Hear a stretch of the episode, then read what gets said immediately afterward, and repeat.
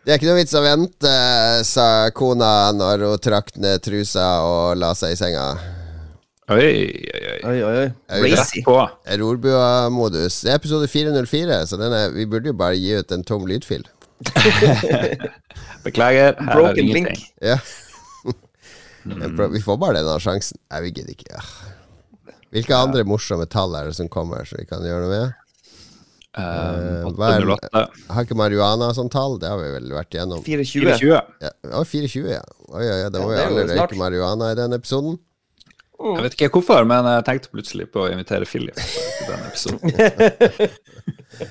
Eh, sånn hva mer har vi? Det er masse sånn politikoder. 10-4 og sånn. Det har vi. 1138. Ja, 303 det var jo via til TB 303, Rolandsinten. Da spilte vi bare musikk med 303. Det blir mye Hitler når vi nærmer oss eh, 19, 1940 episoder. Tenk det når vi kommer opp dit. Det kan vi ta for oss spilleåret 1970, episode 1970. Ja, det er det vi sparer. Vi må spare det til da. Det blir 20 rett år til, liksom. Velkommen til Lolbua, kjære lytter. Jon Cato, Lars og Mats. Eh, det, det hellige trekløveret, rett og slett. Jeg tror i forrige episode sa vi vi skulle ha spill som gjester. Og så de, de er vår nyeste tilskudd i Lolbua-familien, og de, de blir veldig stressa av sånt, for de føler at bordet fanger. De, de har ikke helt skjønt hvordan meg og Lars fungerer, at vi bare slenger ting ut. Og så kanskje treffer det veggen og henger der i noen minutter. Eller kanskje bommer det helt på veggen. Så mm. det, det må ikke bli så stressa, Håkon og Adrian. Men vi skal sikkert få de som gjester en gang. Ja, men de var jo gjester i alle podkastene plutselig, så jeg føler at uh, det er ikke noe stress. De har vært i Rage Quit og Tour de Force. Er det viktig at de avslutter i Lolbua, som er kremen, liksom? Er det det du sier? De må ja, innom alle de andre Ja. først. absolutt. Det blir sånn talkshow-rund. Du starter lavt. Ender opp hos Jay Leno. starter med Jay Leno. Ok, ok. Hva har skjedd i det siste, da? La oss uh, holde oss til sendeskjema, så folk tror at dette er planlagt og profesjonelt. Å, vet du hva jeg hadde? Årets TV-begivenhet. Ja, det, det eneste du snapper, er jo at du driver og river og, og banker og rydder i den stua di som ser ut som en eh, byggeplass. Ja, nå har jeg fått skikkelig vondt i ryggen, da, så det, jeg har tatt det litt rolig de to siste dagene. Men, eh, Og da måtte jeg jo roe ned med noe, og da har jeg sett på The Circle sesong fire, hvor Spice Girls sin Scary Spice og Baby Spice, hun eh, Emma Bunton og hva heter hun for noe? Eh, hun Emma Bunton og Mel Mel. B. Mel B, tror jeg det er. Mel B er med, og det er Brown utrolig gøy. Er ikke hun som har barn med Eddie Murphy? Yes, yes, yes. Og det er bare så gøy. Du må ikke se hele uh, The Circle sesong fire, bare de jeg tror det er tre-fire første episodene, for da kommer uh, de med. Og poenget er jo at det er et hus, uh, litt sånn Big Brother-aktig. De mest populære blir igjen, de minst populære blir sendt ut, men man kan skjule sin identitet. Du kan være en såkalt catfish. Og så skal du prøve å knytte connections og flørte litt og dit og datt. Ja. Og da kommer eh, Mel B og, og Emma inn som sånne catfish. De later som at de er en annen person. Og hvis de klarer det, å være suksess og ikke bli oppdaga, så øker de premiepotten for alle de andre spillerne. Så de gjør jo sitt beste for å liksom lure de andre. Men hvis de blir oppdaga, så må de ha sex med den som avslørte dem.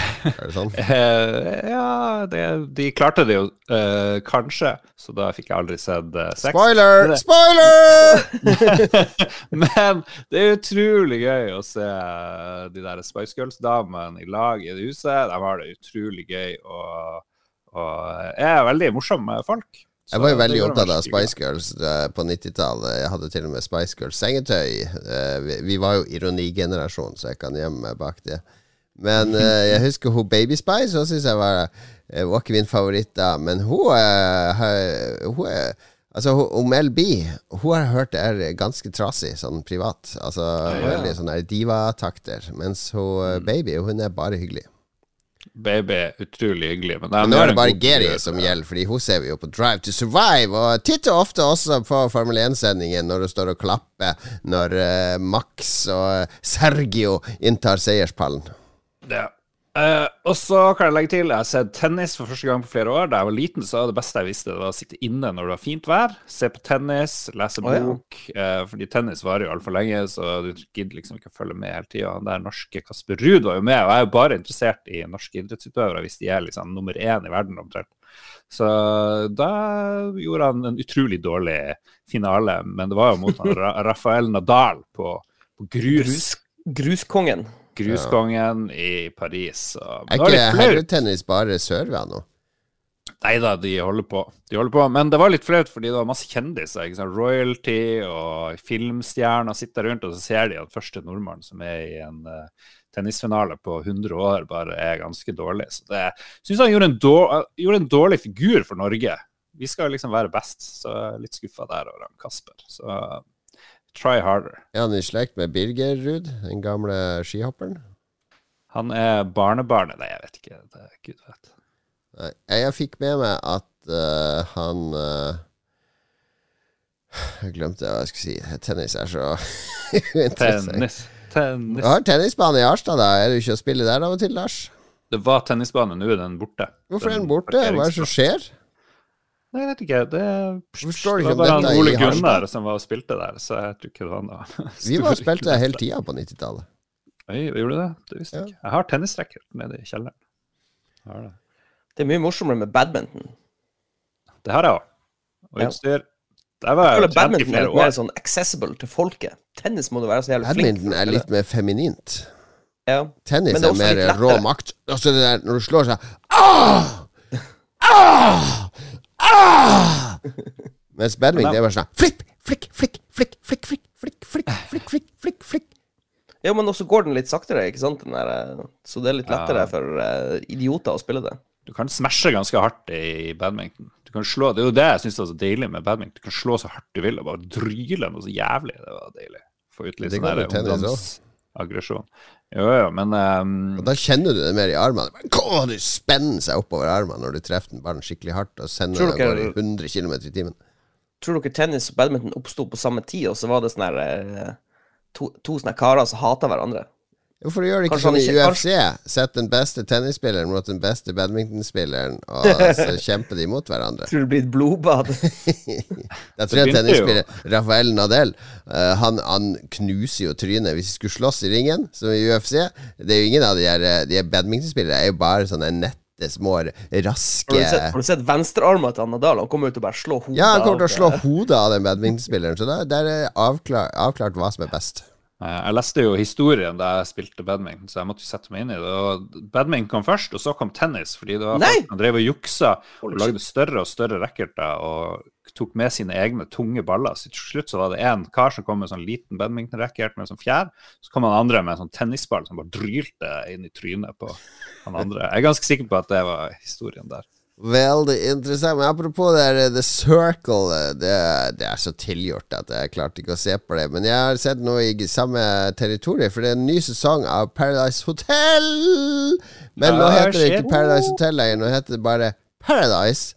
Og så er det ikke lenger i det samme ikoniske huset på den klippen. De har flytta seg ned på en strand til en sånn lite resort. Og så er det masse nye regler i år, så nå kan du også være med selv om du har kjæreste. Eh, du trenger ikke Kan du være med hvis du er gammel? Eh, Du kan være ulike kjønn. Nå er det en transkvinne med. Eh, det kan være ulike legninger. Det, ja. Kan du være over 25, og må du ikke lenger være frisør? ja, det er noen på 27-28 og sånn. Oi. Det er en mye mer sånn sammensatt gjeng enn før, og det er bare feel good. Altså, de har tatt bort all Man skal ikke lenger ligge i samme senge, man ligger i enkeltsenger eh, på samme rom da. Man er fortsatt delt inn i sånne par, og så er det Odde ut som må forlate. Eh, så det er fortsatt Nå handler det egentlig bare om det spillet. Hvordan skal vi redde de vi vil, og ditten og datt. Det er, det er ikke noe fyll. Det er ikke noe klining. Det er ikke noe knulling. Det er ikke noe idioter som sier dumme ting. Det er ikke What? Det er, det er ikke severdig i det hele tatt. Jeg beklager å måtte si det, men det er så kjedelig. Fordi Det som er det, som er, det som er likt med Paradise før Jeg har jo sett Paradise i mange sesonger. Ikke sant Jeg har snakka varmt om det her. Det at når de kommer inn, så bare Herregud, for noen folk! Åh, Så sitter jeg og ler av de, for de gjør så mye dumt, sier så mye dumt. De tror så høyt om seg sjøl. Herregud, jeg har så mye selvtillit når du er 20 år. Jesus Christ. Og så er det noe inni meg som sier oh, jeg, jeg, jeg kunne godt tenkt litt av den selvtilliten da jeg var 20 år, men greit nok. Men så gjennom en hel sesong så blir jeg faktisk litt glad i disse folka. Jeg, jeg får de litt under huden, så når de er ferdig med den sesongen, så ser jeg på de med andre øyne når det begynte, når jeg bare håner de.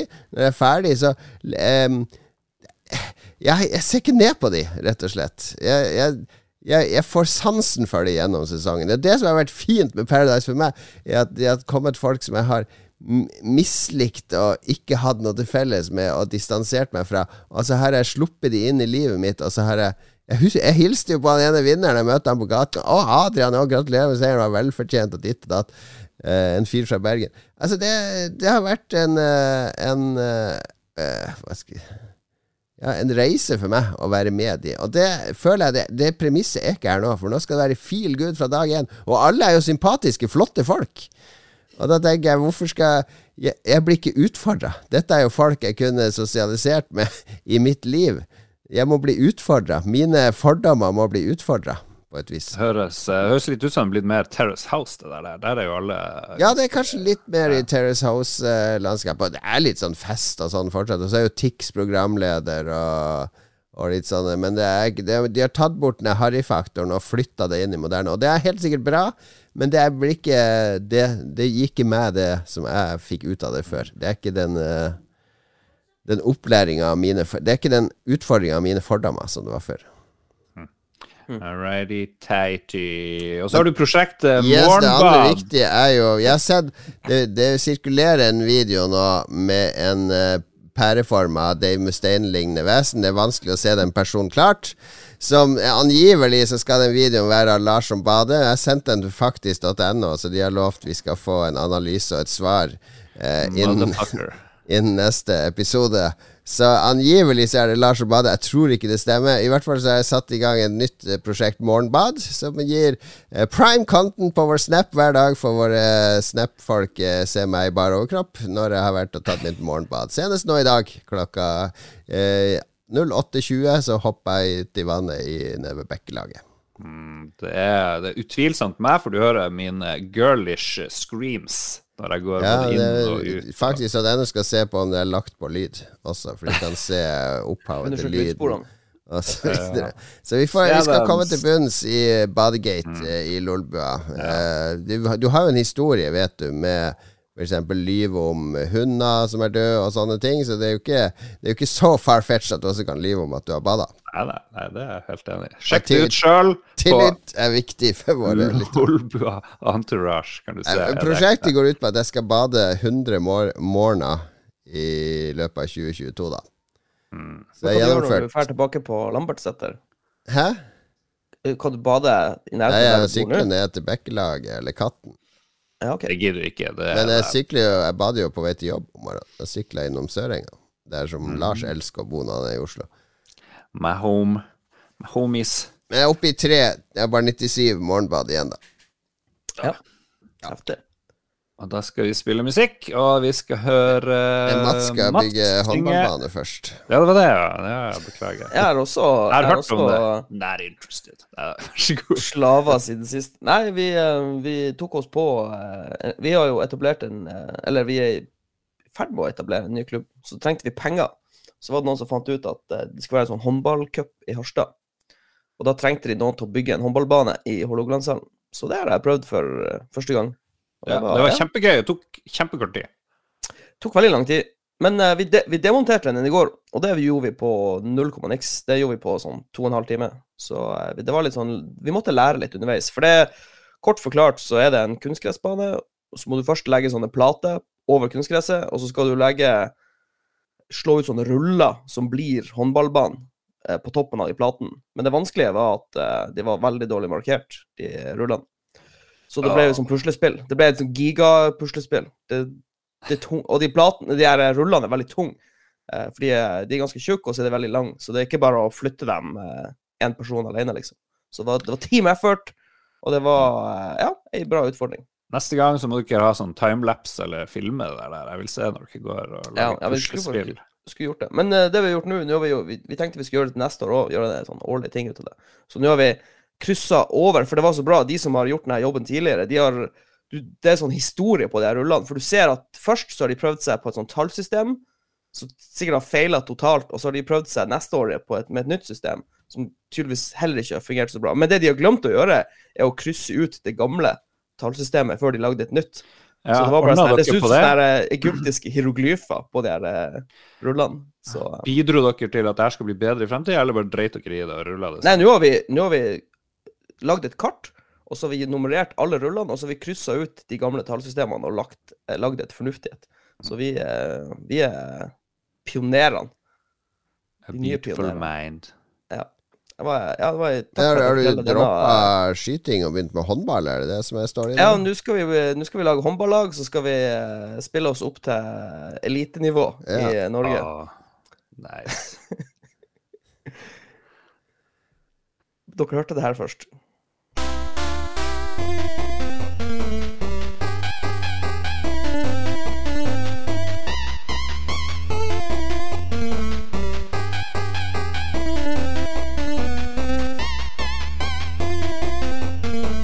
Alfred the Chicken, han er med på det håndballaget, Mats. Han er maskoten vår, faktisk. Hva heter håndballaget? Det heter Alfreds eh, mektige håndballangere. Se etter de Vi jobber med navnet, OK? Navnet er work in progress. Jeg sier ikke at det er et perfekt navn på et lag, men vi må Hand. finne en plass. Handjob boys. Ja. Handy Boys. Two balls, one hand. All the balls. We, we love balls. Ok, hva har vi spilt i det siste? Det finnes ingen håndballspill, gjør det det? Uh, vet du hva, det må finnes.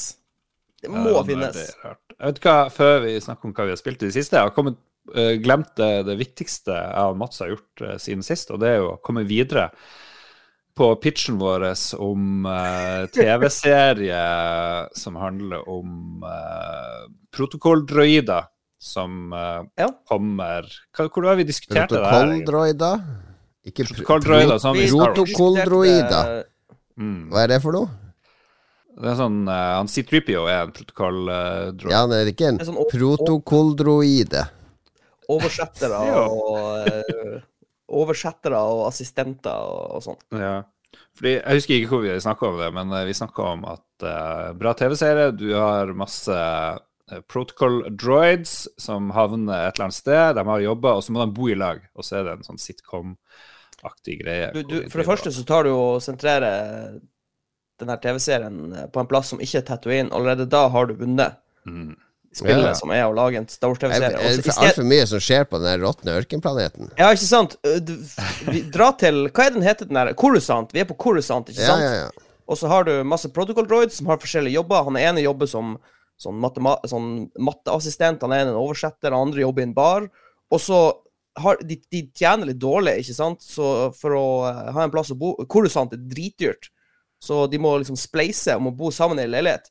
Og så handler TV-serien når de kommer hjem fra jobb, og så har de en leilighet de deler, og så er det sånn wacky Wacky shenanigans med de her protocol droidene. Ja.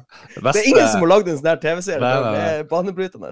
Og så har de en R2-unit, en sånn her astromech-droid. Ja, som de mobber, for han kan ikke snakke. Han kan bare lage Ja. pipelyder. Så han, han er liksom mobbeofferet. Ja, de bare later som at de ikke skjønner hva han sier. Ja, vi, må gjøre mob vi må gjøre mobbing populært igjen, og Mm. litt mer tilgjengelig. Ja, og litt Jeg hadde sett det her på Disney Pluss hvis de Ja. hadde laga det. Altså, sjefen til han som jobber på bar, det er en sånn der ond eh, Gungan, en sånn ond Jar Jar Binks. ja, Som, som skikkelig sånn råtten, råtten eh, gangen. Jeg var i konfirmasjon nylig med en som hadde Jar Jar Binks tatovert på låret sitt. Oi. Jeg var stor fan. You some must work overtime now, yes! Jeg jeg vet ikke om det er rasistisk å ta Jar Jar Binks For den er jo tatt fra sånn her eh, karibiansk eh, Jamaikansk Your overtime is not to finish, no! Ok. Men de skulle handle om spill her, ikke om deres fantasiserie. Jeg vil bare, jeg vil bare si at Echo Software lager en spillserie om håndball. Ja, jeg fant også en trailer. Ja. Så uh, greit, da finnes det et håndballspill for de som er interessert i det. Spilt, Jeg har spilt masse. Lars, la oss ta det verste først, da. Så at det kan gå oppover. Jeg har spilt ett nytt nivå i Crash Bandicoot Run. Jeg husker ikke hva det heter engang. Du har spilt Crash Bandicoot. Er det, har du spilt det første Crash Bandicoot-spillet? Nei, det er mobil, sånn Endless Runner-variant. Ok. Mm, det, Han snakka om det Eh, sist, da. Det, det, ja, Ja. det. Eh, Fordi det som er problemet, er enda i tutorial. Så for hvis ikke jeg gjør ferdig tutorial, så må jeg begynne på nytt. Men jeg har kommet ett steg videre i tutorialen, og det som er irriterende, er at uh, det går jo flere dager mellom hver gang jeg spiller det når jeg sitter på do. Og da står det sånn Å nei, du må samle mer power-ups. eh, Du må gå inn i laben og lage en sånn potion, så at du skal få lov å spille det neste brettet. det holder ikke, Lars. Fordi da kommer det til å flytte Nå skal du pusse opp hele sommeren. Du kommer bare til å spille Crash Bandicoot. Så flytter det inn familie hos deg til i august. Da kommer du også til å Du kommer til å slutte helt å spille. Det blir ikke noe spillkonten fra deg nå. Hvordan skal du løse det her? Hmm, det, det må, jeg må jo rigge om livet mitt på en annen måte. Jeg må det. Men jeg har seriøst, etter jobb så har jeg bare begynt å jobbe med huset, så det, that's it. Du kan gjøre sånn som uh, alpinfyren som lagde seg sånn bod, gamingbod, hvor han fikk Mm. sitte i fred og spille. Og da Jansrud. Det var en av de her alpinfolkene. Ja. Jo da. Nei, det, det skal ordne seg. Jeg bare skal spille. Eh, Jeg har bare vært så sliten. så sliten. Ja, på jaka, ja. Ja, det var en Kjetil Jansrud. Han har lagd en awesome eh, gamingbod. Ja. Ikke la drømmene være drømmer, Lars. Så jeg har null å tilføre fra Crash Bandicoot. Jeg kommer ikke forbi tutorial. Jeg har tre spill å snakke om, så jeg kan ta ett, og så kan du ta ditt, eh, Mats, for det er jo høyaktuelt. Jeg kan ta eh, det nyeste jeg har spilt, er jo Sniper Elite 5. Det kom jo nå for eh, noen uker siden. Og så, så. De fikk jo Essential i Eurogamer, og så har du fått litt sånn lunken Wow. andre steder. Og så er det noen sånne Steam-reviews med 65 timer played, tommel ned. Sniper Elite 4 var bedre. Og den kritikken kommer av at dette er nok litt mer strømlinjeforma, litt mer tilgjengelig, og er dermed bedre for folk som meg, som ikke gidder å sitte i, i timevis og gnukke for at jeg skal spille det på nøyaktig den måten som kunne Jeg kan kun spille sånne her spill på denne måten her! Hvis jeg ikke kan spille det sånn, så skal jeg ikke spille det! Fordi jeg kan, jeg kan, spille, jeg kan stelte, jeg kan knivdrepe, jeg kan snipe, jeg kan gjøre alt. Jeg trenger ikke å være opphengt i å gjøre det på akkurat min måte hele tida. Tilpasse meg situasjonene. Og det syns jeg, jeg synes var kjempegøy. Jeg streama i går. eh, hele første missionet. Er ganske langt. Jeg tror jeg streama nesten tre timer. For jeg må jo gjøre alle ekstraoppdragene. Og så er det, det er en veldig kul ny mekanikk. Det er litt inspirert av Dark Souls. Du kan invidere andre spillere. Så når du spiller kampanjen Du får mye mer XP hvis du har på at du lar deg invadere. Fordi da kommer det en annen spiller, som er sniper, da selvfølgelig. Og så får du beskjed 'Axis Invasion'. Og da spawner Hvis du spiller den modusen, så spawner du på kartet til en annen spiller, som er i kampanjen, og må prøve å finne og drepe han. Eh, altså har du har sånne, du har noen sånne telefoner som er plassert her og der i bunkerser og hovedkvarter, så du kan ringe en av de, og så får du locationen hans. Han er der nå. Og så kan du prøve Ok, hvis han er der nå Hvis du har spilt oppdraget før, så vet du sånn cirka hvor de ulike tingene han skal gjøre, er. Så du kan prøve å posisjonere deg og snipe han, eller storme opp og prøve å ta han med maskingevær, eller noe sånt. Og som spiller så blir du da ekstra paranoid. Uh, jeg ble drept en gang av en enemy sniper. Ok, det er jo ikke, er ikke verre enn at uh, laster bare inn forrige save. Altså, det er jo ikke noe større konsekvens enn det. Men jeg klarte også å drepe en, en sniper som spawna inn og prøvde å charge meg Når jeg var inne i et hus. Kasta inn granater og sånn, men jeg overlevde de, og så skøyt jeg med maskingevær ut vinduet. Og det er en kjempekul mekanikk. Det er mange youtubere nå jeg har sett som driver og bare invaderer hele tida. Det blir masse bra content av det. Eh, så det, det var et stort steg videre. Veldig Men- kult. Hvem av oss hadde vært den beste sniperen? Det er det jeg lurer på. Jeg tror ikke jeg hadde gidda. Jeg er blitt veldig fort lei. Ja, jeg Etter første oppdrag jeg, jeg, Mm. Hvem av oss? Å ja. ja. Jeg er ganske tålmodig der. Ja, jeg tror ikke jeg er tålmodig nok til å sitte og vente. Jeg er litt sånn, jeg er sånn actionorientert, så jeg hadde, jeg hadde ligget i fem minutter og så sett på klokka 100 ganger i løpet av de fem minuttene, og så hadde jeg bare gunna på. Get close! Get Ja. close! Get closer! Jeg kan, jeg kan ligge lenge, så jeg hadde snipa glatt. Jeg er sniperen her. Eh, Jeg tror, han, jeg tror faktisk gjedda hadde vært eh, den beste sniperen. Ja. Han har holdt på med litt sånn rifleskyting, og jeg tror han er han, er, han fisker, vet du. Han venter på de her gjeddene, Mm. så jeg tror han kunne ligget i sivet i timevis og venta på byttet sitt. Helt klart. Nei, men så langt så er dette Vi har jo spilt Sniper Elite hjemme hos deg òg en gang, eh, Lars. Treeren Ja. eller noe sånt. Det har jo vært litt sånn samme spill i gang for gang, men denne versjonen, den, eh, den likte jeg ganske godt. Selv, om- det er noe som irriterer meg, det er at den der elitesoldaten ikke kan hoppe over sånne eh, små gjerder, eller gå gjennom litt sånn der kratt. Her er det her er bitte litt som buskas, og så ser jeg et stort jorde på andre sida, men nei da, det er umulig å gå gjennom her, må gå rundt hele følge muren. Ja, det er dårlig. Ja. Ja, de har aldri hatt hopping i spillene, tror jeg. Jo, det er hopping, men det er bare noen gjerder du kan hoppe over, ikke alle. Ah. Men du, Mads, Slag. du har begitt deg ut på mobil Det er jo på PC òg, da. Mobil- Oh og. PC-eventyret Diablo Immortal. Ja, jeg har prøvd det nyeste det nyeste Terningkast seks i Adresseavisen. Frode Singsås. Beste Diablo noensinne, skriver han. Uff. Ja, det vil jeg ikke si. Men, eh, men vi kan si at det er faktisk ganske smooth. Altså, det er morsomt å spille. Men problemet er at de har gått de har gått all in på mobil, uh, mobilspill. Det er jo eh, NetEase som har laga det, som er en Ja. free to play mobilutvikler. Ja. Uh, så hvis du Altså, det, det jeg tror er tilfellet, er at det går helt fint an å laste ned Diablo Immortal på telefonen din, eller PC-en din, eller iPaden din, og bare spille gjennom storyen og kose deg med et uh, ålreit Diablo-spill. Men hvis du er en av de som liker å makse karakteren din, så kommer det til å bli dyrt. En dyr, dyr affære. Men er ikke det greit at meg og Lars, som bare vil kose oss, spille 20 timer, spille gjennom storyen Det er jo kjemperaust at vi kan spille gjennom det gratis. Så kan du, som absolutt skal sitte og runke på epic items og levele de opp og sånn, kan du betale for, det, for den moroa jeg som kommer, du vil jeg, ha? kommer, jeg kommer ikke til å bruke ei krone på, på det her. Jeg skal spille gjennom storyen bare for å se hvilken story de vil fortelle, og så sier jeg meg fornøyd. Fordi jeg har ikke lyst til å støtte den industrien mer enn jeg må, på en måte. Ja, men Altså, syns du ikke det er, eh, er eh, Syns du det er bedre at jeg og Lars betaler 500 kroner for å spille 20 timer hver, mens du betaler samme sum og skal spille det i 2000 timer? Er ikke det, er ikke det en, en eller annen rettferdighet der? Jeg bare spør.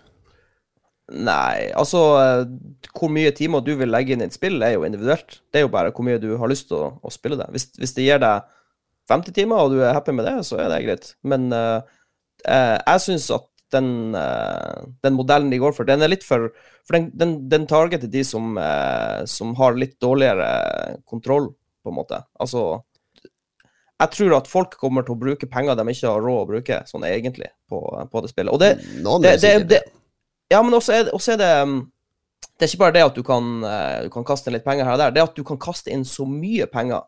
For det er liksom, du blir gitt så mange muligheter til å bruke penger. For det første så har du et sånn Du får et gratis battle pass, og det er, det er veldig vanlig. Og så får du et, et empowered battle pass hvor du betaler litt ekstra for å få en sånn kolonne to med ting, og det er òg industristandard.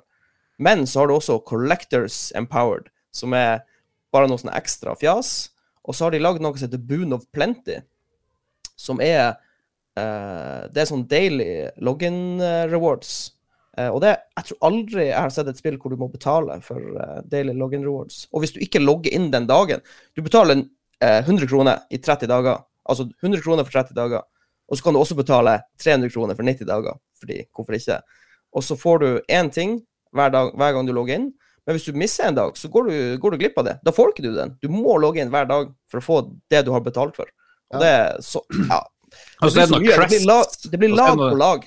Ja, og så er det noen sånne crests har vi fått høre, for det her kan dere høre uh, fra en førsteamanuensis snakke om loot-systemet i spillrevyen som kom ut i går, eller på tirsdag. Der forteller han om sånne crests, og når du skal inn i Rift, så, er, så Altså, du- får du bedre utstyr hvis du har de der Uh, Ja, fordi du eh, Jeg har bare gjort én sånn rift, fordi jeg holder fortsatt på med storyen, men som Lars sier, kan det er en sånn portal du kan åpne. Det er litt sånn som Maps i Path of Exile. Du setter inn sånne crests, og så jo mer du setter inn, jo mer modifiere, jo mer juice, juice får du på slutten av, av riftet. Og som så vidt jeg ser, så tipp, jeg tipper For du får crests hver dag du logger inn, men jeg tipper hvis du har lyst til å spille mye, så tror jeg ikke du blir å ha nok crests, på en måte. Så da må du sikkert kjøpe sånne Eternal Orbs for penger for å få crests. Eh, men, Ja. ja. Og han Rune Menzoni, som er gjesten vår i spillrevyen, han syns jo det her er meget uh, uheldig og vil De gjerne ha det riftene er vel det som er lootboxene, var vel det vi konkluderte med. At du kjøper Ja. de crestene for å øke verdien på lootet du kan få i lootboxen. Mm. Ja, for jeg har, se, jeg har sett noe eh, video på det emnet sjøl, og det virker som du kan, du kan spille det helt gratis og makse karakteren din, men det kommer til å ta så sinnssykt lang tid, for du, du er begrensa hvor mye du kan få hver dag, på en måte. Så du kan ikke spille det så mye du vil Ja. gratis. Men det er jo dette sånn- som er gratisspill. Altså, det fins ingen gratis lunsj. Ja. Men eh, altså, alt med måte. Eh, her, har- her virker det som de bare har gått bananas på hvor mye penger du kan kaste på spillet, og det, ja, det syns jeg blir helt feil. Jeg er helt Jeg har ennå ikke sett noen i luksusfellen som uh, Da jeg spilte så mye Plants vs. Zombies 2 at nå er kontoen tom. Det, det, Det det uansett vil jo folk med dårlig dømmekraft Jo, og pengekontroll kaste på bort pengene på ting. reality-program. De dukker ikke opp på det. De gjemmer seg unna med skammen sin. De dør med skammen sin. Altså, det er mye skam i luksusfellen, så det hadde ikke vært eh, fremmed. Vi, fordi det er jo de vi snakker om å beskytte, er jo de som har dårlig impulskontroll og kommer til å blakke seg på dette. Og så er jeg litt nysgjerrig. Hvor, hvor stort er det problemet egentlig? Hvor mange er i støtteapparatet og hjelpeapparatet fordi eh, de blakka seg på Ultimate Team-lootboxer eller Diablo Immortal Orbs? Tror i Asia er det et stort problem, hvis jeg skulle gjette. Eh, er Asiaterne mener jo at dette er raust. Asiaterne nekter jo å betale 250 kroner for et spill og få en fair balanse med her alle ressursene er i spillet. Det er balansert sånn at du skal finne og progressere og sånn. Nei, det er, det er helt hårreisende for deg å forlange at jeg skal betale så mye up front for noe jeg ikke vet om er bra. Jeg vil heller spille gratis, og så betale eh, for, for ting som jeg mener gir meg noe i spillet. Jeg syns det er interessant å, å generalisere flere milliarder asiatere, hva de syns. Det er jo derfor de lager de spillene sånn her, fordi det sitter én milliard Jeg tror- indere og én også- milliard kinesere som Ja, syns disse forretningsmodellene er eh, Det er sånn de vil, vil ha spillene sine. Ja, men jeg tror vi må skille mellom hva spillerne vil ha, og hva spill, de som lager spillene, tjener penger på. For jeg tror, jeg tror de lager de spillene fordi de tjener rått på det. Jeg tror ikke det de lager dem fordi spillerne vil ha det sånn. De får ikke de ut i markedet hvis ikke spillene er sånn. Det er jo det som er problemet. Det er jo derfor de gjør det. Det her har jo vært på masse, masse Jeg, jeg er foredrag ganske sikker på og, kan, jeg er ganske sikker på at du kan lage et mobilspill eh, med en, eh, en modell som ikke er så eh, Pay up front. pre predatorisk som eh, Ja, vis, ja. Meg, vis meg det mobilspillet som har lykkes i Kina og India, som ikke er gratis. Det fins ikke. Da er det på tide med musikk. Vi er ikke ferdig med spalten. Men det er en interessant diskusjon, fordi vi skulle hatt Magnus Tellefsen med her, for han var jo på reise borti der og snakke om det. Altså, jeg det kan, jeg kan ingenting om mobilspill, Nei, men det er totalt uaktuelt for folk i asi asiatiske land å betale for mobilspill. Det er, det er grunnpremisset. Det går ikke. Ja. Du får de ikke til å betale for det up front. Du får de til å betale ting etter hvert. Ja, Og det- du, og det er du kan jo sikkert lage en modell hvor du har et gratisspill med cosmetics og litt mer sånn snillere for spilleren, på en måte. Altså at du kan spille spillet Ja, ja, ja. uten å bruke 100 000 dollar eh, på det, liksom. Ja, det, det kan du, men det er kapitalismen i bakgrunnen her, og det er selskapene Ja, det- med var som tusenvis av poenget mitt. ansatte som skal det som er poenget mitt, er at jeg er ganske sikker på at du kan lage et mobilspill som er snilt, i anførselstegn, og ikke bare er ute etter å maksimere profits. Jo, men La oss si at du hadde laga det mobilspillet og sier Mats med dette spillet kan tjene to millioner i året, leve greit på det, men hvis vi gjør sånn her og her, så kan vi øke det til 600 millioner i din personlige inntekt i året. Er ikke det greit? Vil, ikke du, vil du sagt nei, Det da? spørs jo det, det, det kommer an på hvem som lager spillet. Og jeg vil tro at de fleste som lager mobilspill, ikke bryr seg så mye om selve spillene. De bryr seg om profits. Mens eh, på andre plattformer, på PC og sånn, så har du de som bryr seg litt mer om De som om å lage bra spill. lager spillene, bryr seg om spillene, ja, men eh, forretningsfolk som skal sørge for at de får lønn som ja, Det er en komplisert regnestykke, men det er ikke så svart-hvitt at mikrotransaksjoner i gratisspill automatisk er eh, ondskap. Og jeg er enig i at Diablo Immortal er ondskap fordi det er så mange lag på lag på lag med, med currencies som prøver å lure deg, og det er ikke noe forutsigbart hva Du vet ikke som spiller hva du egentlig må investere for å spille det på toppnivå, Mats. Det er en Nei. sånn ukjent uh, tåke i, i horisonten, der du kan kanskje hadde vært greit. Heartstone er jo for eksempel Det er jo akseptert. Heartstone er også helt ni- nitriste modell. For uh, det er samme greia med at det kommer en expansion som du må betale for, og så må du kjøpe masse sånne kortpakker for å få de nye kortene. Det er som i Magic the Gathering i IRL. Ja, men ikke, jeg hater også den modellen og den måten å lage spill på.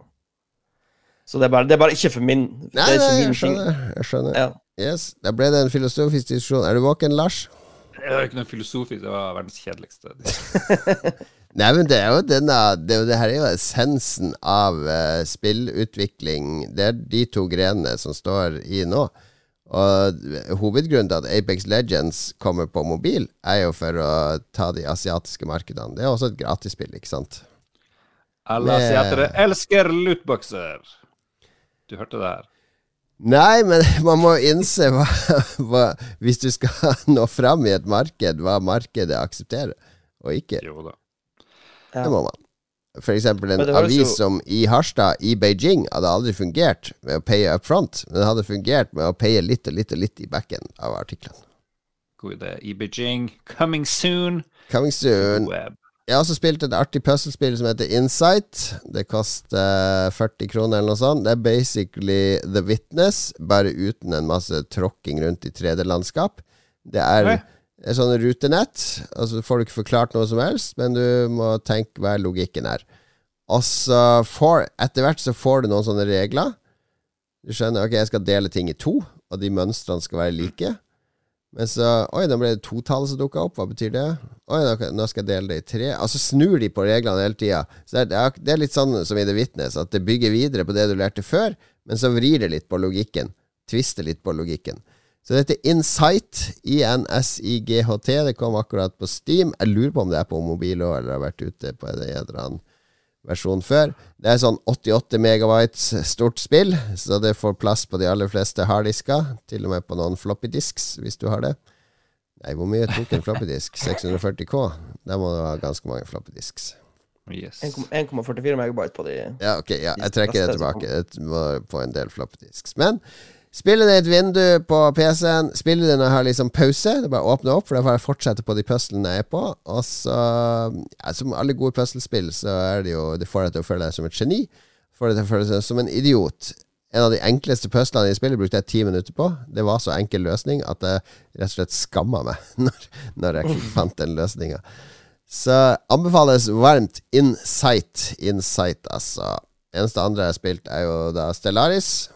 Det har jeg begynt å spille, Mats. Det kan jo du.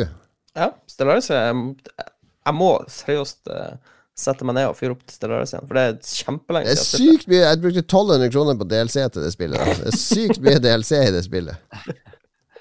Ja, de har pumpa ut. Ja. Er det lootboxer? Nei, det er jo ikke lootbox. Eller jo, det er jo Du åpner random events i spillet, men det er jo ikke Vil ikke si det er lootboxer. Men uh, det er en grei måte å bygge ut et spill på, syns jeg. Å slippe en DLC til en hundrelapp her. Og, Ja, de har jo, ja, det har jo eksistert ganske lenge, så. De har jo bare laget ut Det er jo utvidelsespakker. Ja, og de gjør jo at spillet blir mye mer variert. Uh, og så har jeg forstått det sånn Hvis du spiller multiplayer, så kan han som starter spillet Han kan aktivere alle DLC-ene, og da får alle som spiller, tilgang til alt innholdet i alle DLC-ene. Det er liksom Ja, det er en ganske snill måte å gjøre det på. Men jeg har ikke tort å spille multiplayer Nå, Nå behersker jeg behersker det, det er jo tre faser i Stellaris. Det er jo den oppbyggingsfasen. Den behersker jeg ganske bra nå, med population og kolonisering og research og science og alt det der. Og så er det den fase to, når man begynner å eh, ha litt albuer med de andre eh, alien-rasene. Diplomati, spionasje er jo stort nå. Det ble jo gjort om på for et år siden. Masse gøy du kan gjøre der. Den fasen begynner jeg å mestre så vidt nå. Eh, og så har jeg aldri spilt end-fasen ennå. Jeg har alltid, alltid gått så dårlig i den midfasen. Men jeg begynner å komme meg dit til at jeg kanskje tør å spille online. Ja. Vår venn Øyvind vil gjerne spille online med oss. Multi, multiplayer. Ja, det er kos, det. Mm. Og man må ikke på dødelig spille mot hverandre. Det går jo an å spille mot AI-en også, sammen. Ja, ja. Det kan man òg gjøre. Nei, men det, det- det er så kosespill. Altså, Stellaris elsker det.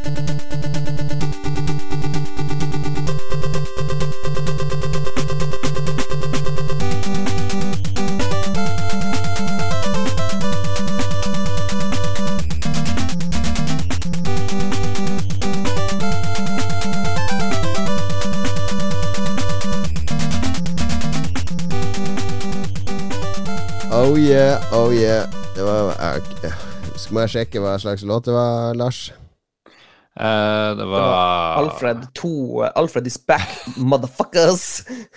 Ja, nei, det er Alfred kjent, gonna kill some! kjent spillmusikk. Jeg er veldig dårlig på å kjenne igjen spillmusikk. Det, det er noe Nintendo-drit. Dette var Blaster Master fra Nintendo 8-bit. Ah, Eh, faktisk et veldig artig spill der du er styrer det var en, Alfred 2. en, en bil, tror jeg. Et plattformspill med en bil.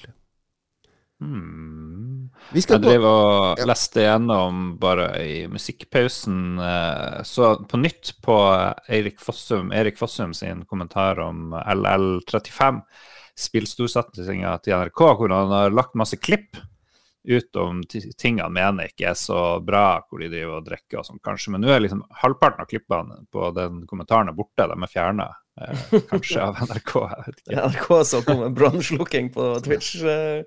Yes. Hør også mer om det i Spillrevyen. Spillrevyen! La merke til i Spillrevyen at du sa 'hør også på våre andre podkaster', like og Gjeddas univers. Spill Spillrevyen, sa du. Du sa ikke. Ragequit. Nei, du sa ikke Ragequit. Du Nå blir det bråk. Jeg er beklager. Herregud. Vi skal gå gjennom junispillene, det er jo tradisjon, og det har vi trademarka i vår podkast. Dette kan ikke nederlandslaget, Leverløp og de andre gjøre. Det er ikke lov. Og i hvert fall ikke gi tommel opp og tommel ned. Det gjør vi. Hvis dere gir terningkast, da må våre advokater se på saken. Eh, Ja. Men ikke gjør det. Dette har tr- trademarka oss. Ja, ja, ja. Det fins dom på det. Da har vi som vanlig sendeskjema linka til trailere til alle. Og først ut er jo da, som vi akkurat har prata om, er jo Diablo Immortal i, i, i, Immortal Immoral. er det noen som har dratt den på det? Diablo Immoral! Det er også copyright uh, Lolbua.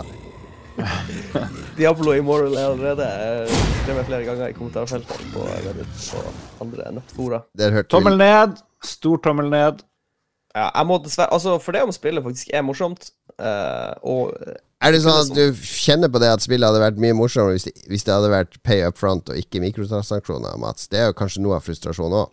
At de ødelegger det som Ja. kunne vært et Ja, godt balansert absolutt. spill. Absolutt. Mm. 100% Hvis jeg hadde kjørt vanlig eh, spillmodell, så hadde det vært eh, Men ja, altså For min del så er ikke dette et spill jeg bryr meg så mye om. For dette er, altså, de har tatt Diablo 3, så har de tweaka litt på klassene, og så har de eh, lagd eh, ny, ganske tynn og rask story, på en måte. Så det, mi, i mine øyne er ikke dette et fullverdig Diablo-spill. Eh, og da er det helt greit at det er litt sånn halvveis eh, For å si det sånn, hvis de skulle heller Hvis de skulle prøvd denne modellen på Diablo 4, så hadde jeg blitt svært skuffa. For da hadde jeg Ja, da følte jeg Da hadde jeg følt i større grad at jeg hadde gått glipp av et skikkelig Diablo-spill, på en måte. Så det blir tommel opp. Nei, nei, det blir tommel ned. Stor tommel ned. tomler. Nå føler jeg at vi står her med sånn høygafler og fakler utenfor og skal ta stakkars Frankensteins monster. Dette misforståtte free to play-spillet som bare prøver noe- å leve her. ja, Nei, jeg, må, jeg kan ikke være med på denne saueflokken. Jeg må gi det tommel opp. Dette, dette er Frankenstein med, med flosshatt og stresskoffert, hvor det bare renner renn penger ut av stresskofferten. Eh, Tommel opp til Diablo Immortal eh, som spill, men tommel ned til Blizzard og disse grådige folkene som ikke kan begrense seg når de skal Men lage gratis spill. Det, det jeg er litt nysgjerrig på, er hvordan, hvordan har eh, samarbeidet mellom NetEase og Blizzard vært? Har Blizzard bare gitt tøylene helt til NetEase på alt av eh, sånne avgjørelser, eller tror dere Det skulle jeg likt å se, hva som foregikk eh, bak lukka dører. Jeg tipper at Blizzard er jo eh, har enorm kontroll Blizzard- over de her tingene der. Blizzard eh, har vel blitt eh, kjøpt av Microsoft nå. Jeg lurer på om det også blir å påvirke Kanskje det. Verdens største og beste mobilspill er nå helt ferdig, helt gratis og helt fantastisk! Står det i overskrifta i Adresseavisen, der Frode Singsås har uh, uh, anmeldt det. Han har tydeligvis ikke fulgt med på spillnyheter i det siste, fordi de, de ingressene er bare Blizzard Entertainment, et av de største og mest respekterte spillutviklerne i verden. Nu vel, det har skjedd en del de siste to årene, Ja. Frode. Litt utdatert. Litt Alle, utdatert. går du til innkjøp av ett eller flere av selskapets spill, du finner kvalitet i alle ledd, står det her. Ja vel, du spilte ikke den der remaken som kom for noen år siden. av Star, var det ikke Starcraft-remaken som kom for noen år siden, som var så sinnssykt Ja, det var? War, War, Warcraft-remaken. Warcraft, ja, eh, fikk, eh, ja, den eh, gikk litt på trynet. Uh, så kommer det enormt, evigvarende. Uh, Diablo Immortal er nesten ufattelig stort! Omfattende! Dette kunne selskapet lansert på konsoller som Xbox og PlayStation for en drøy tusenlapp om de ville. Men det har de altså ikke villet gjøre. De er nemlig rause og gir det til deg gratis, Mats, står det her. Å, så snill de er. Yes! Jeg elsker at det er gratis. Og så skal vi se Han skriver noe om mikrotransaksjoner òg her et sted, nemlig Ja, ja, ja, ja, ja. Diablo Immortal er på ingen måte et nedstrippet Diablo-spill der det er gjort kompromisser, bla, bla, bla. uh, nei, han har ikke nevnt eh, noen mikrotransaksjoner. Jo, jo, her kommer det. Ah, nei, det skal være et sted. Det her er live, live lesing av Live, en det- sak. Ja, det finner den i Adresseavisa. Spenningen er til å ta og føle på. Mulig oppgave dit og da. Er nå tilgjengelig og helt gratis for Android, IOS og PC. Det finnes riktignok muligheter til noen mikrotransaksjoner i spillet. Men ingenting du trenger å bruke penger på! Dette er ikke pay to win på noen som helst måte! Ja, jeg Hvis du skal ha det beste utstyret, så må du jo betale. Sånn er det jo. Ja, eller hvis du skal ha det i Altså, jeg tror du kan liksom makse karakteren din. La, la oss si du spiller Diablo Immortal hver dag i ti år, og får alle de her login rewardsen og crestene og sånn sagt, så, så er du sikkert ferdig. Så sånn sett så er det jo egentlig bare et veldig ambisiøst spill som tar lang tid å fullføre. Mm. Det kan man si. Nei, men det var Frode Singsa sin anmeldelse. Han har jo anmeldt spill uh, Han er jo eldre enn meg, faktisk. Jeg, What? jeg tror han nærmer seg han, jeg, jeg, jeg husker jeg snakka med han før, fordi han var jo spilljournalist når jeg var spilljournalist på starten av 2000-tallet. Og så ser jeg nå er det en artikkel her fra 2006, der det er profilen hans, og der står det alder 40. Så det betyr at han er jo faktisk eh, snart 60 år gammel. Og det kan godt hende at eh, jeg er ikke i den, jeg er ikke i den aldersgruppa ennå. Jeg er fortsatt under 50. Så kanskje i den aldersgruppa så er dette helt topp. Ja. Tydeligvis. masse penger, han Frode. Penger, penger. 2. juni, samme dag, så kom det også et annet spill som heter Card Shark fra Devolver Di Digital. Og Devolver de har fripass på å bli med i denne spalten hos oss, det må jeg bare si. Eh, Ja. Før som sist. Jeg er veldig skeptisk til traileren uh, som til spillet, for det er null gameplay. Det er bare noen som stokker en kortstokk. That's it. Og vinner masse penger. Det er et spill om å uh, jukse i kortspill. Uh, der du har en NPC-makker, og så øver dere dere på å jukse med tells og signaler og sånn, har jeg skjønt. Og man lærer seg teknikker for å stokke, sånn, sånn at du vet hvor kort er, og dele ut falskt osv. Så videre. sånn at uh, jeg er litt nysgjerrig på det spillet. Jeg må, inn- det er så det er sånn unikt premiss at jeg må bare gi det tommel opp. Ja. Jeg er enig. Jeg joiner Devolver tommel opp. Eh, ok, jeg ombestemmer meg. Det er pga. dårlig trailer. Terningkast ned. El Controvers. El Controvers. Neste er ikke kontroversielt i det hele tatt. Det er verdens mest dopingfrie sport. Sykling. Der uh, vi snakker selvfølgelig om Tour de France, Tour de France 2022. På fransk blir det Tour de France. de France. 2022, tenk på. Ja, ja. Eh, Sacre bleu, eller noe sånt. Det, det er Et eller annet død. nytt eh, Tour, Tour de France-spill fra Cyanide. Død, død, død, død, død. Vi fikk jo uh, anmelderkopier av Jon Cato back in the days av en del Tour de France-spill. Men er Jeg det, er det et managerspill, eller er det at du styrer én fyr på sykkel? Nei, det er styrer laget.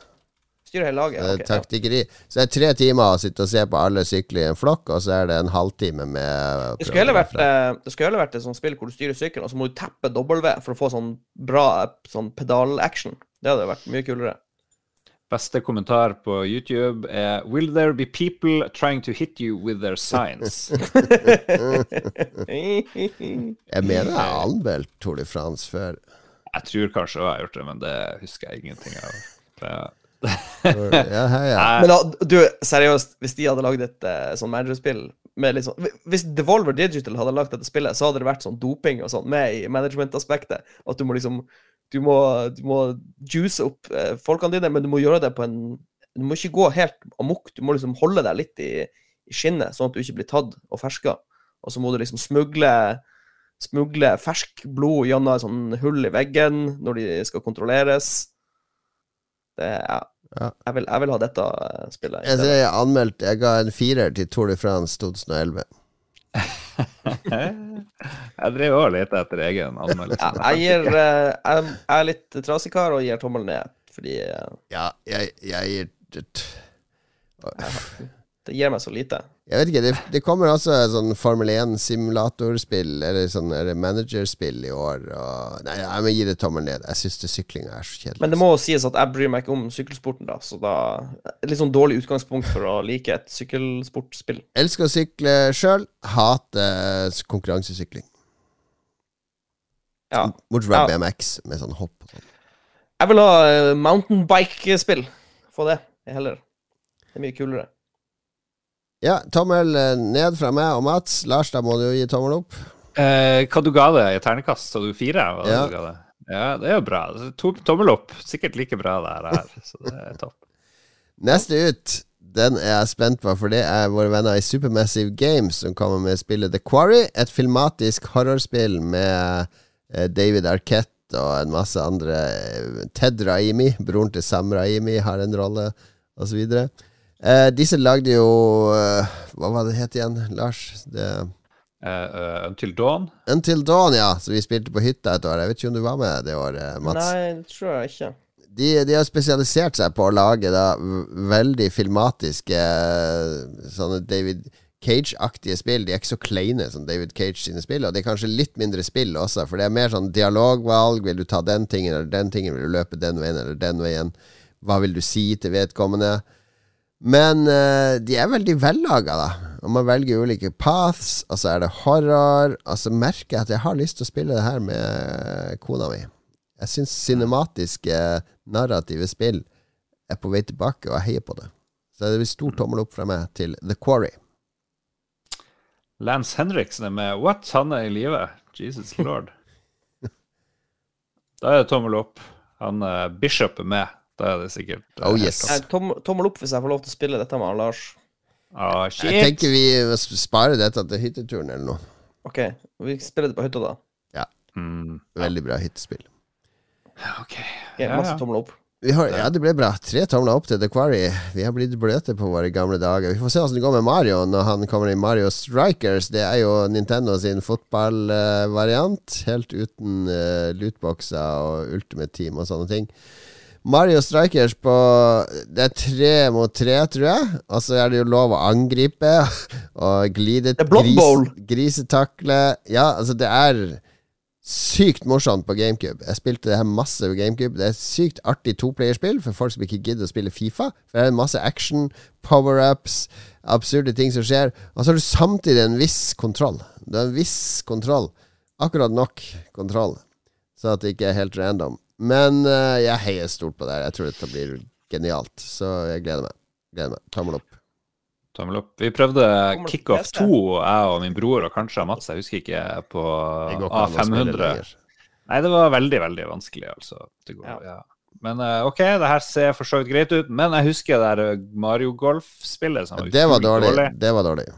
Så det her er sikkert like dårlig, så det er terning. den en tommel ned. Terning, tommel. Ha-ha, du så feil, Lars. Ja. Ja. Ok, okay, jeg gir det? um, Jeg gir det en forsiktig tommel opp, fordi det minner meg litt om Blood Bowl med de taklingene og sånn. Ja. To tomler opp. Og tommel ned òg, fordi det er veldig urealistisk. Ja. Da skal du kose deg med neste. Det er nemlig Sonic Origins. Eh, Sonic har jo fått en revival nå, fordi endelig så har man funnet noe som Sonic duger til. Og Det er ikke dataspill, det er film. Sonic 1 og 2-filmene er artige filmer. Artig Noe av det bedre innen spillmatisering av Eller filmatisering av spill. Så det skal man jo melke for det det er verdt, så da kommer det en sånn samling med de tre-fire første Sonic-spillene.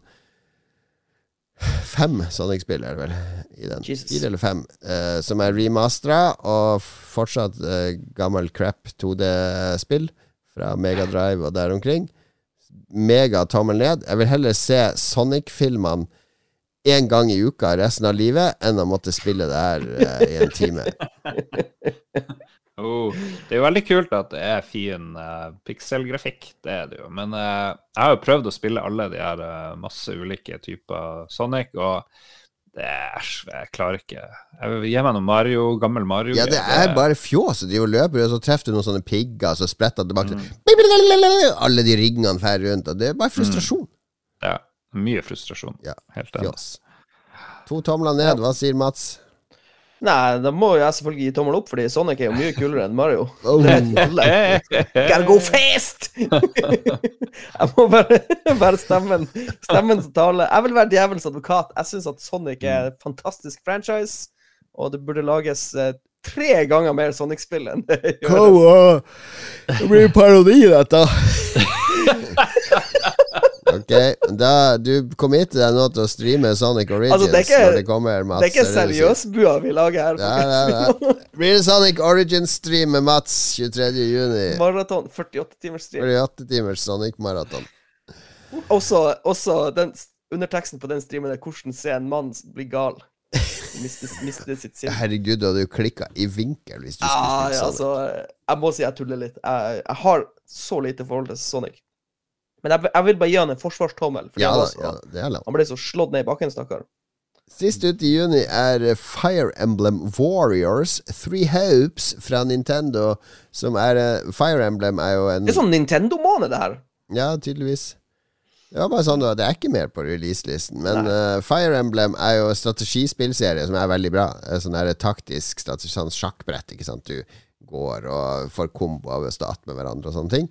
Veldig, veldig bra. Men Fire Emblem Warriors Three Hopes er vel en sånn Mussu, Musso, eller hva det heter, variant, der du går på en sånn slagmark. Du har et stort sverd eller en bue, eller noe sånt, og så skyter du en bue, så kan du liksom drefse 40 soldater. Bare, så Det er sånn Dynasty Warriors-greie. Ja, Dynasty Warriors.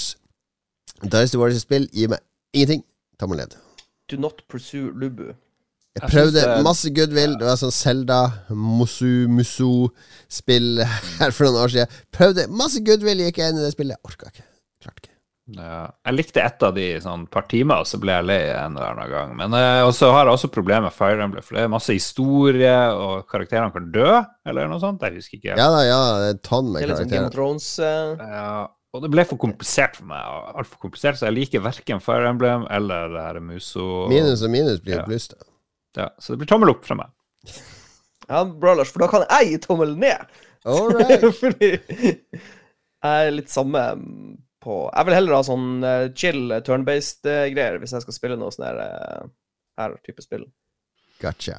Jeg får, jeg får nok stress i first person shooter-spillene mine. Gleder meg til å spille Fire Emblem Warriors, fordi minus og minus blir pluss. Ja, damn right.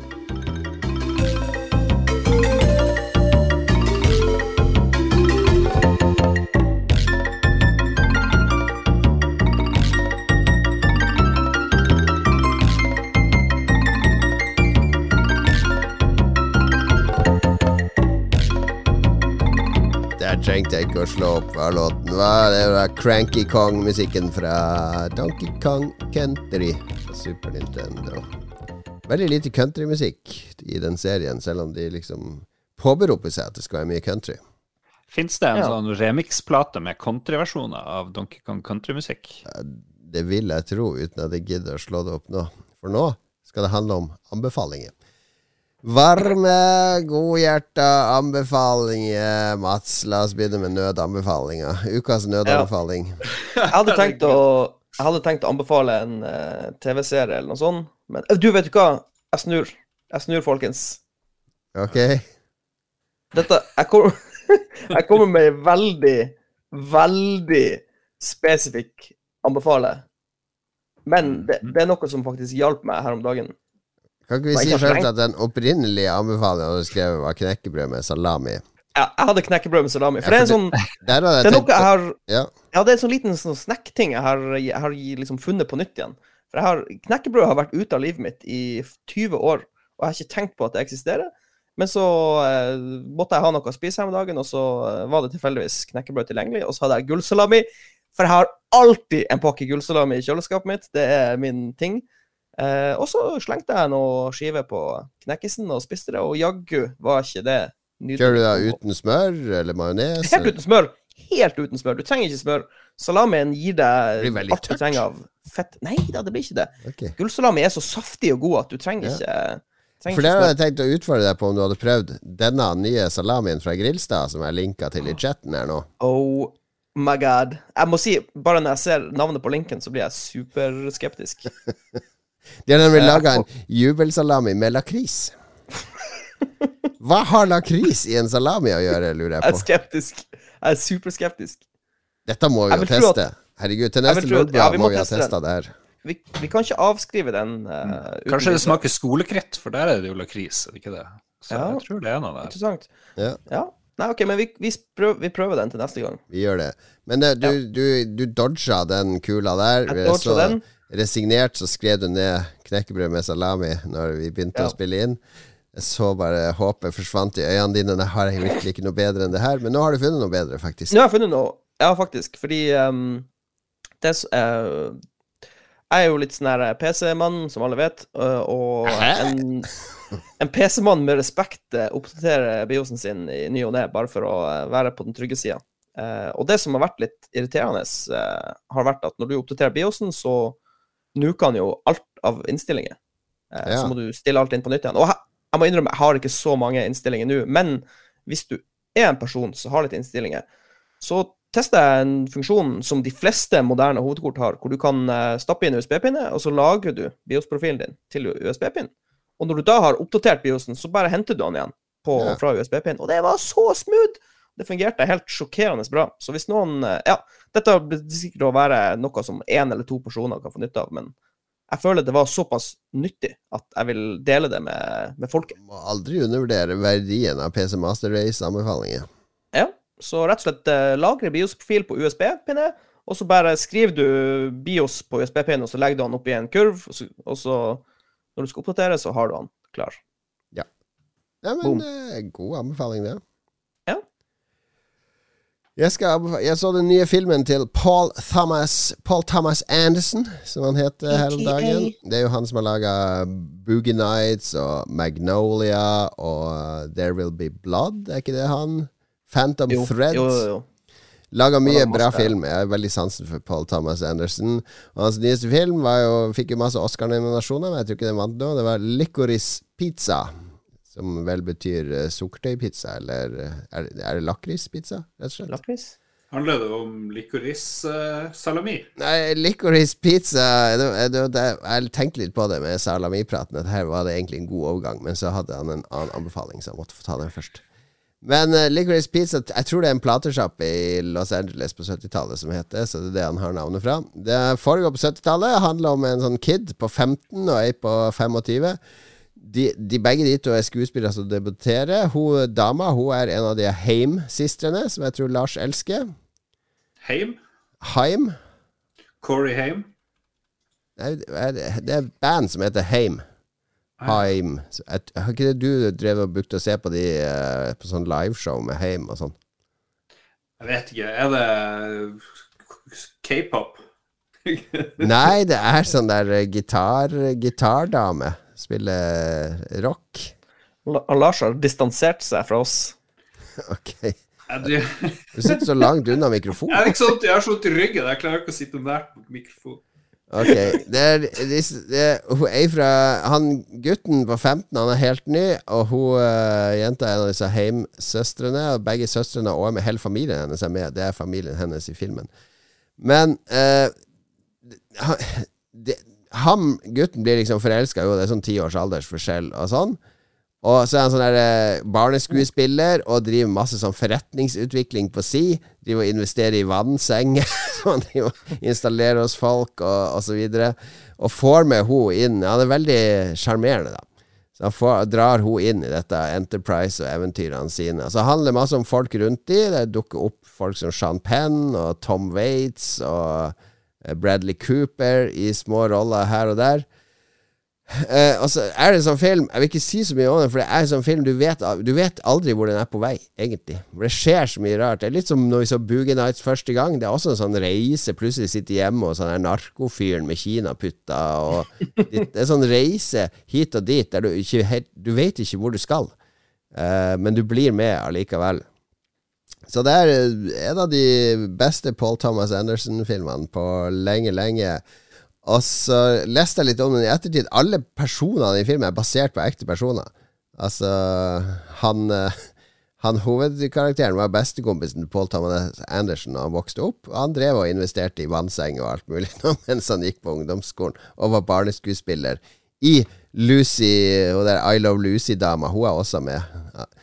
Uh, så alle personene er basert på ordentlige folk. Det er litt sånn artig i ettertid, hvis du er litt opptatt av Hollywood og historie og sånne ting. Så den, Jeg så en som beskrev den som 'Once Upon a Time in Hollywood'.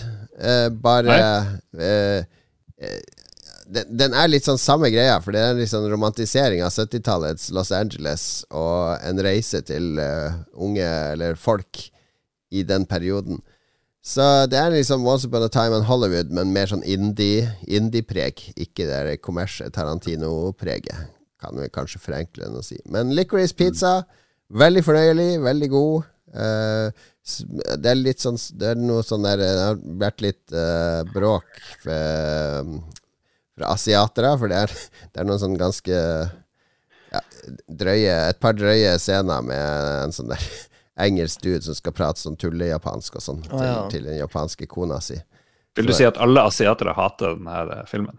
Nei, men uh, det er noe det der Asian Media Representation Foundation og så videre, hva det nå heter. Alle disse har gått hardt ut mot uh, filmen og mener den uh, normaliserer harselering av asiatere. Og så har Paul Thomas Andersen prøvd å si jeg prøver å vise ting fra et 70-tallsperspektiv. Eh, hvis man ser det fra 2022-perspektiv og alt mulig, så er det vanskelig å vise ting eh, som var ikke var tabu da, eller som ikke var fordommer da, men som i dag er helt uakseptabelt.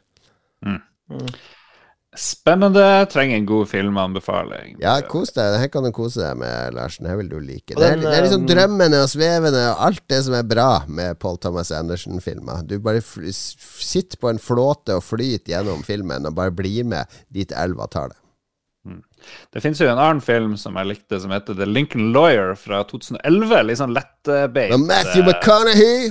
Ja, Object your order! Object your order! This is my color! handler om en advokat som gjør sin business, gjerne fra baksetet på en Lincoln, hvor han sitter og ringer folk. Og... Advokat slash prostituert som gjør sin business. ja, og nå har det kommet en TV-serie, da. Basert på bøkene til han samme som skriver Bosch-bøkene. Er det ikke han Michael han er... Hva heter han? Connolly? Han heter Michael Connolly. Connolly ja gjør han. Uh, Michael Connolly. Og uh, Lincoln Lawyer og han Bosch er jo halvbrødre, blir det jo etablert uh, i bøkene etter hvert. Oh, Så det, det, er noen connections. Men det har ikke vært noe i den TV-serien, fordi det her er Netflix, og Bosch-serien er jo en annen. Prime. Greie. Men, det er jo ny Bosch Legacy nå. Jeg trodde du skulle se den før du så Lincoln Lawyer. Nei, Mats sa at det var noe Bosch Legacy. Jeg har ikke fått med meg ja. det. For det, det for jeg så liksom en ny sesong av Bosch, men den var kanskje ikke så ny. Den var kanskje fra i fjor, når jeg tenker meg om. Mm. For det Bosch sånn, Legacy er helt nytt. Ja. Men, men sånn, Bosch er en uh, uh, politimann med personlige problemer, så er Lincoln Lawyer en advokat med personlige problemer. Og datter uh, som ikke bor hos han, og ganske mye likt. Uh, de har liksom kopiert litt, eller jeg husker ikke om han hadde noen datter i Right what you know, er det han Michael Connolly er Ja. Og det som jeg savner litt av og til, det er jo TV-serien LA Law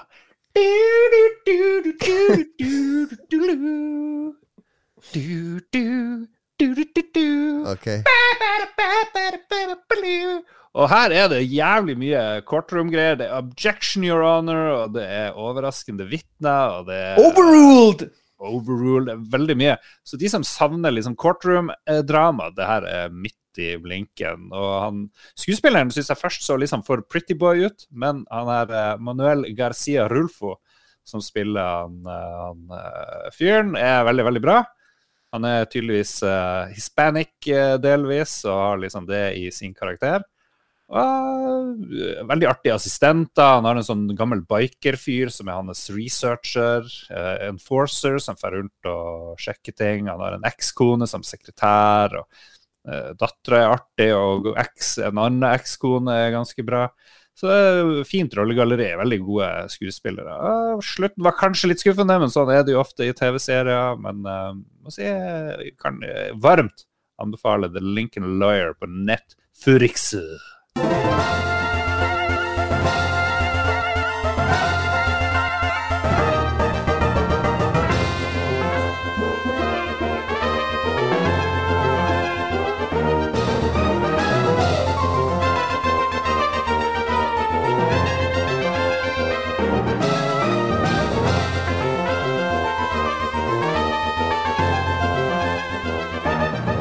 Selvsagt Pokémon vi har er nærmest stemt uh, Pokémon Emerald. Pokémon Emerald. Oh, så Emerald. Emerald. Nå er du inne Nei, ja, ok. La oss uh, ta lytterspalten.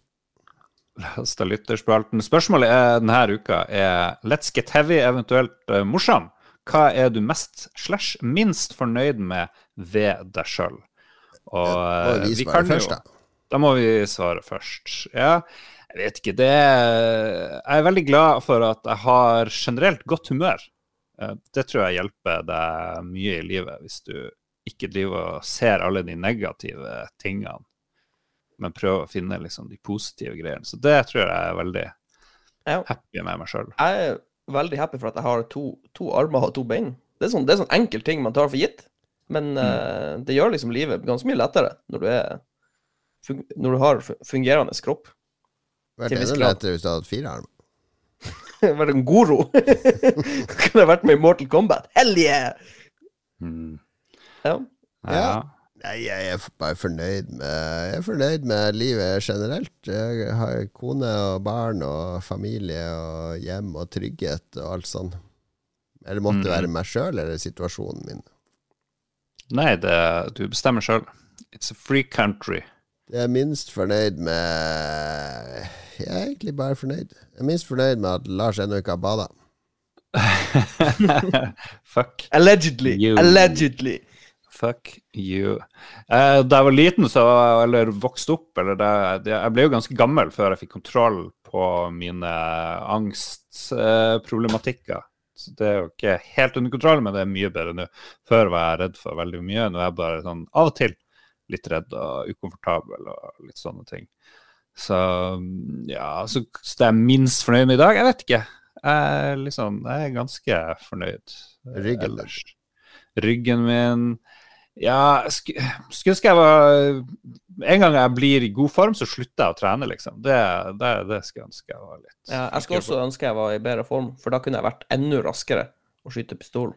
Og så skulle jeg ønske jeg var flinkere å holde kontakt med de som ikke er i umiddelbar nærhet. Det er jo pga. denne podkasten at vi snakker mye med, med hverandre, Jon Cato og andre som er med her. Ja. Sosiale medier har jo hjulpet, da, men gamle venner, familie lage, her og der Lage en ti-tolv podkaster til, da. Så, ja, som broderen. Jeg har jo sett han en mikrofon. Jeg ga han Mats sin gamle AT 2020.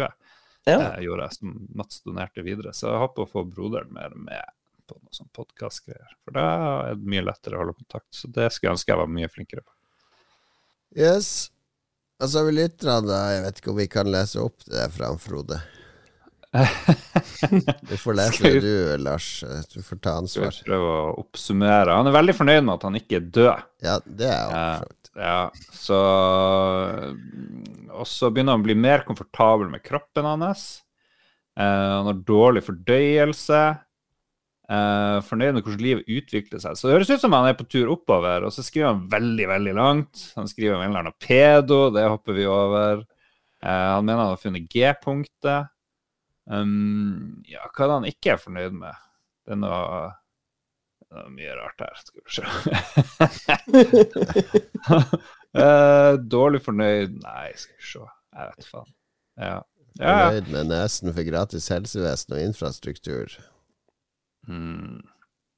Ja. OK, da, da, går vi videre. Dag Thomas. Dag Thomas er mest fornøyd med lite hårvekst i ræva, så anus ser nesten ut som blåsehullet til Flipper.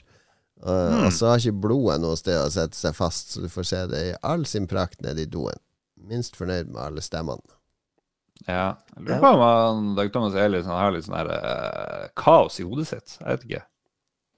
Han har jo han har eh, små barn, da, så han er Ja, det er nok det er som er kaoset, som tilgitt. gir ekstra mye kaos i hodet. Men han, har- han, har- han spiser jo mye dårlig mat, tror jeg. Han Jeg tror det. er på er mye rart som havner i den doen hans ut av rumpa. ja, Mm. Det, ja. viktig. Litt mer knekkebrød med salami. Fiber. Fiber, fiber.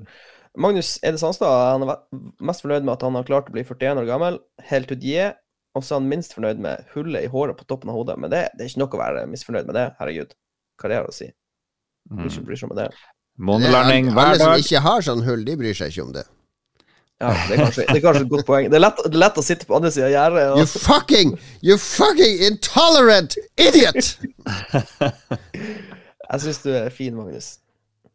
Eh, ok, Joakim Strandberg Han er mest fornøyd med sin egen penis Men, men, hva- selv. er- hvorfor, hvorfor har vi bare sånne her lyttere igjen? Det skal være pikk og patter og, og Ja, ja, det er det. Knull, det er det fordi du alltid skal snakke om Når du har fått deg ny kjæreste, Lars, så skal du snakke om knulling hele tida. Sex sex, jeg det er så gøy med sex. Jeg har ikke snakka hele Nei, ja, det er et halvt år siden, for nå har det forholdet fått satt seg.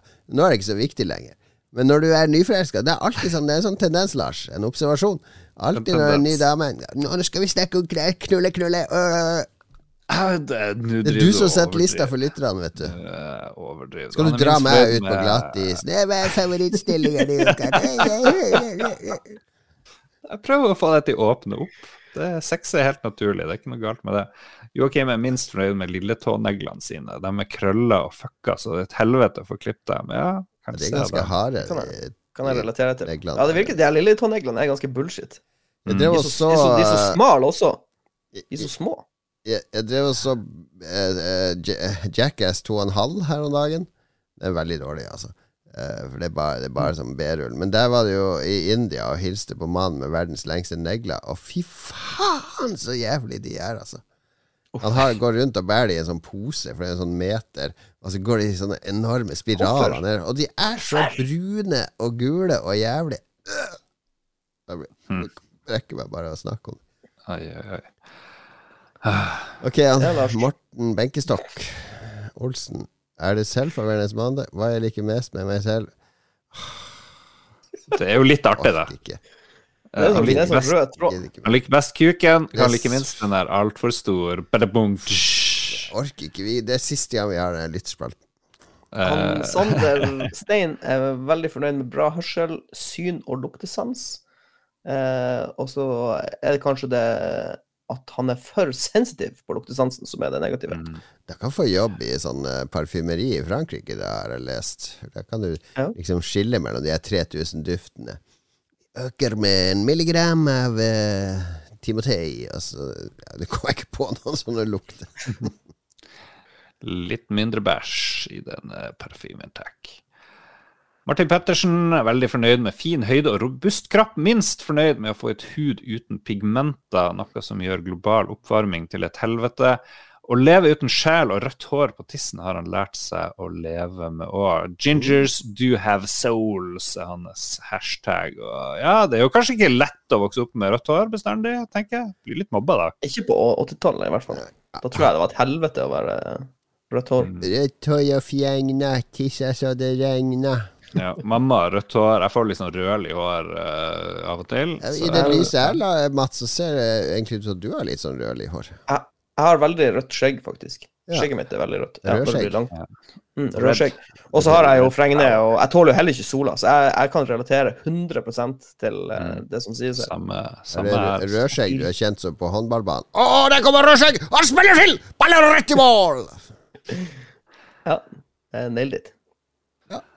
Til slutt Stian Skjerven får gå litt heavy ut siden peniser. Ok, han er minst fornøyd med sin lave selvtillit, selvkritiske og til tider destruktive tanker, og mest fornøyd med mine sosiale egenskaper som far, bror, venn og kollega. Mm. Takk for at du deler, Stian. Det er jo mange av oss med lav selvtillit av og til, og selvkritiske. Og destruktive tanker der er jeg litt, uh, litt, mindre på, men jeg skjønner jo at det er mange som bruker tid i hodet sitt. Mye tid uh, inne, grubler og går seg litt bort, kanskje, i litt sånne herre uh, Ja, steder som man ikke burde gå, da. Men det er jo vanskelig. Men det er aldri for seint å be om hjelp. Det finnes utrolig mange gode steder. Jeg har jo vært hos eh, flere psykologer og sånn terapigrupper opp gjennom årene, og det funka fint, fint for meg. Så hvis du, har, hvis du sliter mentalt, så prøv å finne et sted å hjelp. Det er, det er, ganske mange telefoner du kan ringe, det er lokale, kommunale tilbud. Nav har tilbud. Hvis du har jobb, så er de veldig interessert i å holde deg på jobb. Så de har egne psykologer, som ofte kan være ganske lett å få tak i, faktisk. Så det er et lite triks. Så ja, do it. Eller lage en podkast, så blir du satt på plass hele tida. For det, det, er ingen av oss som får anledning til å bli for lenge inne i våre egne hoder, for noen kommer og drar oss ut, og uh, gjerne kaster oss ned på bakken samtidig. Mm. Uh, og ja, det altså kan funke for noen. Så det at du sier at du har uh, venner og, og, familie og annet, det hjelper oss å, å holde oss på, på kurs. Mm. Og så er nå de tankene der uansett absolutt. Elsker det. Da fikk jeg en eh, seriøs avslutning. Det er jo det som er Lolbua. Mye tull, og så er det en del alvor. Sånn er det. Sånn er det. Og da er episoden ved veis ende. Da er det Vi må takke alle som hører på, vi må takke alle produsenter, men ikke minst alle Patrion som støtter oss på patrion.com. For de pengene der de går til alt som Lolboa er involvert i. Spill og Ragequit og Lykkes univers og så videre. Jeg er inne på ah. Facebook. Uh, har du, du ser bursdag der, kan du se hvem som har bursdag. Kanskje vi skulle ønske de gratulerer med dagen òg, samtidig. Vi kan bare gjette hvem som har bursdag. Jeg gratulerer Kevin André Hole. Jeg vet ikke hvem det er. Jeg er noen venn med han. Altså Erlend Evenstad. Han tror jeg er en sånn Red Crew-lytter. Aslak mm. Borgersrud, gratulerer med dagen. Eh, også han Benjamin Lie. Han har også bursdag. Han er bartender. Gratulerer med dagen til deg òg. Så har vi tre blokkerte medlemmer av Entourage. Lykke til til dere. Tre blokkerte? Har du vært ja. sensurert nå? Nei, jeg vet ikke. Jeg bare trykte på alle medlemmer, og da kom det opp uh, blokkerte tre. Har vi det? ja, ja, ja. Så sånn er det. Jebbidu. Skal vi se. Patria-produsenter Anne Beth. Big shout-out til Mamma Beth. Mamma Beth. Mamma Bet. Mats? Kjørsberg. Gøran Helge Nilsen. Kenneth Kobrakar 84. Kenneth in the house. Og vår nyeste produsent, Lem. Lem, yeah. we love you. Og din fru, som eh, er veldig mest aktiv i Ragequit. Men vi elsker deg for det. Tete Mats MB. Frode det. Og til slutt alltid Magnus, vår uh, egen optiker. Høyt utdannet optiker. Du, du, klarte ikke å tipse om de andre podkastene i Spillrevyen. Da tipsa du folk om å høre på Spillrevyen mens de hørte på Spillrevyen. Men klarer du alle de andre nå? Ja. Lars, hva skal folk høre på? Ragequit, Lykkos univers med gjedda spill, og av og til Martins magiske musikk. Den bytter litt mye navn, den podkasten. Vi hadde en veldig fin podkast sist, med ja. undervannstema som tema. det var kult. Ja, og de skal ikke høre på Spillrevyen, altså, for det klarte de ikke å ta med. Nei, det nevnte jo du tre ganger. You fucked up! You fucked up again, Lars! Oh, fuck. Shit, boys. Ha det bra. Ta og Fiks den ryggen din til neste gang. Ha det. Uh, ha det.